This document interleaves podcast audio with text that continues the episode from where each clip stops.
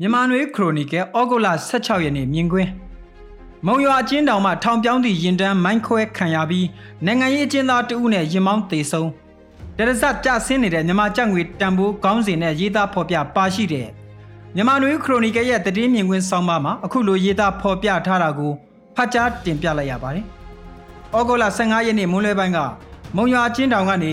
မန္တလေးထောင်နဲ့မြင်းကြံတောင်တို့စီကိုထောင်ပြောင်းပို့ဆောင်တဲ့ရင်တန်း မုံရွာမန္တလေးကားလမ်းမှာမိုင်းခွဲခံရပြီးရင်မောင်းဖြစ်သူနဲ့ရင်ပေါ်ပါတဲ့နိုင်ငံရေးပုံမှန်နဲ့ပြစ်ဒဏ်ချခံထားရသူတဦးသေဆုံးကတဦးကပြင်းထန်စွာဒဏ်ရာရသွားတယ်လို့သတင်းတွေမှာဖော်ပြထားကြပါတယ်။သေဆုံးသွားတဲ့နိုင်ငံရေးအကျဉ်းသားကတော့ဒေါက်တာဇော်ထွဲအောင်ဆိုသူဖြစ်ပြီးစစ်ကောင်စီက2021ခုနှစ်နှောင်းပိုင်းမှာဖမ်းဆီးကပြစ်ဒဏ်ချမှတ်ခံထားရသူဖြစ်တယ်လို့ဆိုပါတယ်။ ဒေါက်တာဇော်ထွဲအောင်ဟာစစ်ဘေးရှောင်တွေကိုလှည့်လည်ဆေးကုသပေးခဲ့သူတဦးဖြစ်ပြီး PDF တွေနဲ့အဆက်အသွယ်ရှိတယ်ဆိုပြီး2021ခုနှစ်စက်တင်ဘာလမှာစစ်ကောင်စီကဖမ်းဆီးကထောင်ဒဏ်10နှစ်ပြစ်ဒဏ်ချမှတ်ခံထားရသူဖြစ်ပါတယ်။အခုလိုထောင်ပြောင်းရင်တန်းမိုင်းခွဲခံရမှုမှာဒေါက်တာစောထွဲအောင်ကဖြစ်ပွားရာနေရာတွင်တေဆုံးသွားပြီးသူ့နဲ့တွဲလျက်ခြေချင်းခတ်ခံထားရတဲ့အခြားနိုင်ငံရေးအကျဉ်းသားဖြစ်သူကိုအာကာငင်းချမ်းကတော့တန်ညာပြင်းထန်စွာရရှိထားတယ်လို့သတင်းတွေမှာဖော်ပြထားပါတယ်။ ထောင်ပြောင်းကျင်းသားတွေကိုရဲကားလိုအချုပ်ကားမျိုးနဲ့ပြောင်းရွှေ့တာမဟုတ်ဘဲတံပြားတွေနဲ့ကာယံထားတဲ့ truck ကားမျိုးနဲ့ပြောင်းရွှေ့တာဖြစ်တယ်လို့သိရပြီးအဲ့ဒီကားတွေကအကျဉ်းဦးစီးပိုင်ကားတွေလားသို့မဟုတ်အရက်ဘက်ကကားတွေကိုအခကျင်းငွေနဲ့ငှားရမ်းအသုံးပြုတာလားဆိုတာတော့အသေးစိတ်မသိရှိရပါဘူးအခုလိုဖြစ်ပွားမှုနဲ့ပတ်သက်လို့မုံရမန္တလေးလမ်းပိုင်းမှာလှုပ်ရှားနေတဲ့ PDF အဖွဲ့တွေအနက်ဘယ်အဖွဲ့ကလှုပ်ဆောင်တာလဲဆိုတာတော့ထုတ်ဖော်ပြောဆိုတာမရှိသေးဘူးလို့ သတင်းတွေရသိရပါတယ်စစ်ကောင်စီရဲ့အကျဉ်းဦးစီးဌာနနဲ့ဆက်ဆက်တဲ့ပတ်သက်တဲ့ရင်တန်းဖြစ်လို့ဘယ်သူဘယ်ဝါပါလာတာမသိရှိပဲမိုင်းခွဲခဲ့တာလားဆိုတာလဲရှင်းရှင်းလင်းလင်းမသိရပါဘူးဒီဖြစ်ရဟာရန်ကုန်မြို့အင်းစိန်ထောင်ထောင်ဝင်စာပစ္စည်းပို့တဲ့ကောင်တာမှာဘုံခွဲခဲ့တဲ့ဖြစ်ရမျိုးနဲ့အလားတံတူပြီးထိခိုက်သေးဆုံးရသူတွေဟာစစ်ကောင်စီစန့်ကျင်ရေးဘက်ကနိုင်ငံရေးပုံမှန်နဲ့ဖမ်းဆီးခံထားရသူတွေဖြစ်ပြီးမိမိတို့ဘက်ကသူတွေကိုထိခိုက်အောင်လှုပ်ကြံတိုက်ခိုက်တဲ့ရလမျိုးကိုမရည်ရွယ်ပဲ ရောက်ရှိသွားတာဖြစ်ပါတယ်ဒီဖြစ်ရကနေကောက်ချက်ချနိုင်တဲ့အချက်တစ်ချက်ကစကိုင်းတိုင်းလိုဒေသမှာဖြစ်ပွားနေတဲ့စစ်ကောင်စီစန့်ကျင်ရေးလက်နက်ကိုင်လှုပ်ရှားမှုတနည်းအားဖြင့်ရေပုံရအမည်ပြည်သူ့ကာကွယ်တပ်ဖွဲ့တွေကြားမှာတခုတည်းသောအမိတ်ပေးစနစ်မရှိသလိုအရေးအတွက်များစွာသောအဖွဲ့အစည်းတွေကြားဆက်သွယ်ရေးတည်င်းအချက်လက်ဖလှယ်ရေးပူးပေါင်းဆောင်ရွက်မှုတွေအားနည်းနေတဲ့အချက်ဖြစ်ပါတယ်။ကြေးရွာလိုက်ကာကွယ်ရေးအဖွဲ့တွေရှိကြသလို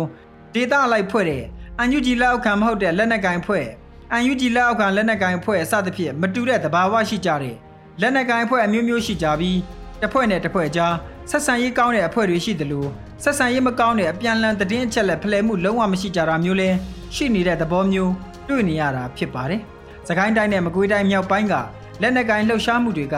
နေမြေကျဲပြန့်တာစစ်ကောင်စီတပ်တွေကိုကြားပြတိုက်ခိုက်နိုင်တာစစ်ကောင်စီတပ်တွေကနေမြေတွေမစိုးမိုးနိုင်အောင်လှုပ်ဆောင်နိုင်တာတွေရှိနေတာအမှန်ပဲဖြစ်ပါတယ်။ တစ်ဖက်မှာလည်းအကွက်ကွက်အပြပြဖြစ်နေတဲ့လက်နက်ကိုင်ဖွဲ့တွေအောက်မှာနေထိုင်ကြရတဲ့ပြည်သူလူထုအနေနဲ့တသမတ်တည်းမရှိတဲ့အုပ်ချုပ်ရေးမျိုးအဖက်ဖက်ကအဖွဲ့အစည်းအမျိုးမျိုးကကောက်ခံကြတဲ့အခွန်အကောက်တွေကိုပေးဆောင်ကအသက်ရှင်လှုပ်ရှားနေကြတဲ့အခက်အခဲတွေရှိနေကြတဲ့သဘောမျိုးလဲတွေ့ရကြားသိနေရတာဖြစ်ပါတယ်စစ်ကောင်စီစန့်ကျင်ရေးလက်နက်ကိုင်အဖွဲ့အစည်းတွေကြားပူးပေါင်းဆောင်ရွက်မှုနဲ့တသမတ်တည်းမရှိတဲ့အုပ်ချုပ်ရေးစနစ်လိုမျိုးနိုင်ငံရေးအရာစူးစီးမှုတစ်ခုကအရေးတကြီးလိုအပ်နေပြီလို့ ထင်မြင်မိပါတော့တယ်အန်ယူဂျီကဝယ်ရေးဝန်ကြီးဦးရေမွန်ကတော့ရေဒီယိုအန်ယူဂျီတာဝန်ခံတဲ့အင်တာဗျူးတစ်ခုပနာမပြင်ဆင်နေစဉ်ပြောဆိုချက်တစ်ခုအရပျောက်ကြားစစ်မှာမြေပြင်ကအထွေထွေသော ADF တွေအရေးပါနေတယ်လို့နောက်တစ်စစ်မဟာဗျူဟာထိုးစစ်တွေမှာအဖွဲ့တွေတစ်ခုချင်းစီလုံနိုင်ကြမှာမဟုတ်ကြောင်းဒုအင်အားတီဆောက်နေကြတဲ့စီမှာ ADF တွေလည်းပူးပေါင်းပါဝင်ဖို့ဖိတ်ခေါ်နေကြောင်း MODE PDF ဖြစ်ရပ်တည်နေလျင် MODE chain of command အတိုင်းသွားကြပြီးပြီးကြအဖွဲ့များကိုယ်တိုင်မှာလည်း သူတို့ရဲ့အဖွဲ့တွင်း COC ကိုပိုကောင်းအောင်လုပ်ဖို့တိုက်တွန်းကြောင်းမှတ်ချက်ပေးထားပါတယ်။ပြည်သူ့ကာကွယ်ရေးအဖွဲ့များနဲ့အခြားဒေသခံများဆက်ဆံရေးဝေဖန်ပြောဆိုကြတဲ့နဲ့ပတ်သက်ပြီးတော့မိဖက်ပฏิပက္ခလို့သူကသုံးနှုံပါတယ်မိတ်ဆွေများမဟာမိတ်များချင်းချင်းဆက်ဆံရေးမှာမိထိုးသူတွေကိုတတိထားရမယ်လို့သူကသုံးသပ်ကြောင်းသိရပါတယ်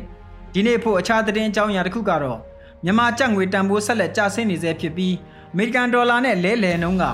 ဒေါ်လာကိုကျပ်3900လောက်ထိမြင့်တက်နေသလိုထိုင်းဘတ်ငွေနဲ့မြန်မာကျပ်ငွေလဲလှယ်နှုန်းကလည်းထိုင်းတစ်ပတ်ကိုမြန်မာငွေ101.5ကျပ်လောက်ထိရောက်ရှိလာနေတဲ့သတင်းပဲဖြစ်ပါတယ်။စစ်ကောင်စီရဲ့ကြက်2000တန်ထုတ်ဝေမဲ့သတင်းအမေရိကန်ပြည်ထောင်စုရဲ့ဘာနာရေးပိတ်ဆို့မှုနောက်တရက်ထပ်တိုးလိုက်တဲ့လှုပ်ဆောင်မှုဖြစ်တဲ့စစ်ကောင်စီရဲ့နိုင်ငံခြားကုန်သွယ်မှုဘဏ်ကိုပိတ်ဆို့မှုအကြောင်းနှစ်ချက်ကမြန်မာကျပ်ငွေတန်ဖိုးကျဆင်းဖို့တွန်းအားပေးခဲ့ပြီးအခုသတင်းပတ်တွေမှာဆက်တိုက်ဆိုသလိုမြန်မာငွေတန်ဖိုးကျဆင်းလာနေတာဖြစ်ပါတယ်။ အခုဖြစ်ပေါ်နေတဲ့ဈေးနှုန်းကတော့တကယ်ဖြစ်သစ်ဖြစ်ထိုက်တဲ့ဈေးနှုန်းမဟုတ်ဘူးလို့ဈေးကွက်ကိုနားလေသူစီးပွားရေးလုပ်ငန်းရှင်တွေကယူဆကြပေမဲ့စစ်ကောင်စီအစိုးရရဲ့မူဝါဒဆိုင်ရာကြပြောင်းကြပြန်နိုင်တာတွေကိုစီးပွားရေးအရယုံကြည်မှုကျဆင်းခြင်းကကျပ်ငွေတန်ဖိုးပုံမကျဆင်းစေဖို့မိလောင်ရလေပင့်ဖြစ်စေတာလို့ယူဆကြတာဖြစ်ပါတယ်။စီးပွားရေးကျဆင်းမှုတွေနဲ့ငွေကြေးဖောင်းပွားမှုတွေကလက်နက်ကင်တိုက်ပွဲတွေကြောင့်ကုန်စည်စီးဆင်းမှုကန့်သတ်ချက်တွေပုံမများပြားလာတာလုံခြုံရေးအခြေအနေမကောင်းမွန်ခြင်းကြောင့် ဆုံးရှုံးနိုင်ခြေမြင့်တက်မှုနဲ့အတူကုန်စည်နှုန်းမြင့်တက်လာတာတွေကမြန်မာပြည်သူတွေခါးစည်းခံနေကြရတဲ့အခြေအနေလည်းဖြစ်နေပါတော့တယ်။